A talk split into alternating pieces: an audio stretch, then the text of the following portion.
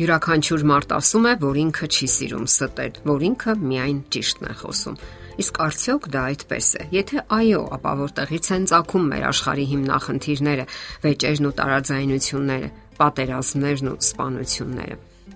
Ձեզ համար պետք է parzեք։ Դուք սիրում եք ստել։ Իսկ միգուցե ընդհանրապես սիրում եք երբեմն կեղծել ճշմարտությունը եւ ամեն ինչ ներկայացնել ձեր հարմարության տեսակետից։ Ասենք որ նույնիսկ փոքրիկ կեղծիկն արդեն հակադրվում է ճշմարտությանը եւ խեղաթյուրում իրականությունը։ Սրանք բարոյական հարցեր են, որոնք սակայն կապ ունեն նաև ֆիզիկական առողջության հետ։ Իսկ ահա այլ է ճշմարտության դեպքում։ Ասում են, ճշմարտախոսությունը բարելավում է առողջությունը։ Այսօր բժշկագիտության լայն զարգացման պայմաններում դեռևս շատ անհասկանալի եւ անբացատրելի երևույթներ կան, որոնք մարդը կարող է հասկանալ ապագայում եւ որոնք գիտությունն աստիճանաբար parzabանում է նոր փաստեր են բացահայտվում։ Հասկանալի է դառնում մարդու էության, հոգեբանության շատ առանձնահատկություններ եւ նրբություններ, որոնք իմանալու եւ կիրառելու դեպքում բազմաթիվ խնդիրներից կազատվի մարդը։ Մարդը հաճախ տարապում է սեփական անգիտության պատճառով։ Այսօրվա հաղորդման թեման հենց դրա վերաբերյալ է։ Պարզվել է, ինչպես ասացինք, ճշմարտությունն օգտակար է մարդու առողջության համար։ Ճիշտ խոսելը, ճշմարտացի լինելը զգալիորեն բարելավում է մարդու ֆիզիկական եւ հոգեբանական առողջությունը։ Այս հետևությանն են հանգել Ամերիկայի Notre Dame համալսարանի հոգեբանները։ Նրանք այն կարծիքին են, որ մարդիկ կարող են գիտակցաբար եւ նպատակամղված նվազեցնել ամենօրյա ստի ու կեղծիքի մակարդակը, ինչը բավականաչափ դրական ազդեցություն կգործի մարդու առողջության վրա։ Նրանք այս հետ հետևությանն են հանգել 10-օրյա փորձի արդյունքում, որին մասնակցել են տարբեր տարիքի 110 մարդ։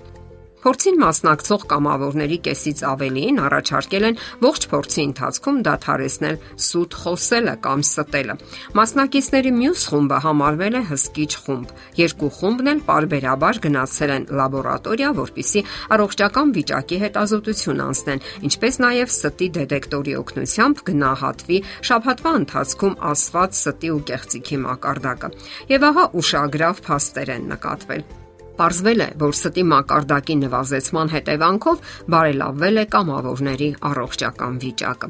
Այն ընթացքում, երբ փորձի մասնակիցները քիչ են ստել ու խაფել, ավելի քիչ են նկատվել տագնապի զգացումներ եւ նրանք ավելի քիչ են բողոքել վատ ինքնազգացողությունից։ Նույնիսկ հսկիչ խմբում, որտեղ թույլատրվել է ստել ու խაფել, իրենց ավելի լավ են զգացել նրանք, ովքեր ավելի քիչ են ստել։ Դրանից բացի մեկ այլ հետաքրքիր բացահայտում է արվել։ Պարզվել է, որ ստի համեմատաբար փոքր քանակը բարելավել է կամավորների անձնական հարաբերությունները եւ սոցիալական փոխհամագործակցության այլ տեսակները։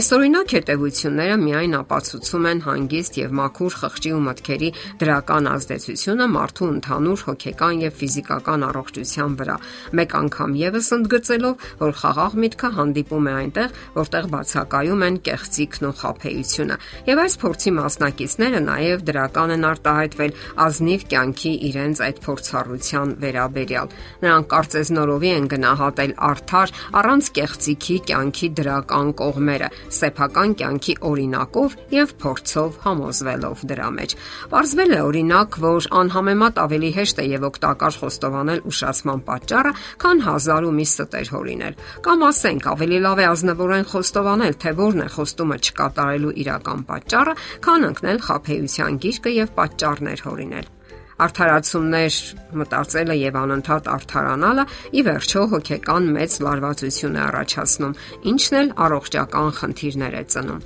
Ընդ որում գիտնականների մեկ այլ խումբ parzabanել է, որ խափելն ու կեղծիքը որոշ դեպքերում կարող է նույնիսկ մահացու վտանգ ներկայացնել։ Խոսքը վերաբերում է բժիշկ հիվանդ հարաբերություններին։ Չէ՞ որ հիվանդը պետք է բժշկին ազնվորեն ներկայացնի իր առողջական վիճակը եւ անձնական կյանքի մանրամասները։ Այլապես ինչպես կարող է բժիշկ բժիշկը ճիշտ հասկանալ եւ ճիշտ գնահատել այցելուի վիճակը։ Ինչ հետևությունների կարելի է գալ անհամեմատ ավելի գերադասելի է ազնիվ կյանքը առանց ստերի ու կեղծիքների փոխհարաբերությունները, որից կշահեն ոչ միայն մարդիկ, այլև հասարակությունն ինքը։ Անդրադառնալով հարցի բարոյական կողմին, ասենք, որ Աստվածաշնչյան պատվիրաններից մեկը հենց ստախոսությանն է վերաբերում։ մի ստիր հորդորում է Աստված տասնաբանյա պատվիրաններից մեկի միջոցով, որովհետև մարդուն արարած Աստված շատ ավելի լավ գիտի, թե ինչն է, որ քայքայում է մարդկային հարաբերությունները եւ ոչնչացնում հասարակական կարգը։ Եվ դրա լավագույն օրինակը մեր աշխարհում տիրող իրավիճակն է, որտեղ սուտը թեթևորեն տարածված է եւ ավելի շատ զարմացնում են ուղղամիտները որոնց հաճախ པարզունակ պիտակն են տալիս։ Ահա թե ինչու Աստված ինքը իր մարգարեներից մեկի Երեմիայի բերանով այսպես է ասում. Ահա դուք ձեզ համար սուտ խոսքերի եք հույս դնում, որոնք օգուտ չունեն։ Արժե ուշադրություն դարձնել նաև կեղծիքի եւս մեկ կողմին Ստող մարդը միշտ հետևում է, որ հիշի իր ստերը, որpիսի չբռնվի եւ པարսավանքի չարժանանա։ Եվ այդ պատճառով նա մշտապես լարված եւ զգոն վիճակում է, անհարկի լարելով ուղեղը եւ հիշողությունը։ Եվ արդյոք ավելի ճիշտ եւ հեշտ չէ հետևել ճշմարտությանը եւ չկեղծել, թե խոսքերով, թե արարքներով։ Դե ինչ, գիտական տվյալները մեկ անգամ եւս հաստատում են հինավուրց Աստվածաշնչյան իմաստությունը եւ դրան հետևելը միայն օգուտ է բերում մարդուն։ Եթերում առողջ ապրելակերպ հաղորդաշարն է։ Հարցերի եւ առաջարկությունների համար զանգահարել 033 87 87 87 հեռախոսահամարով։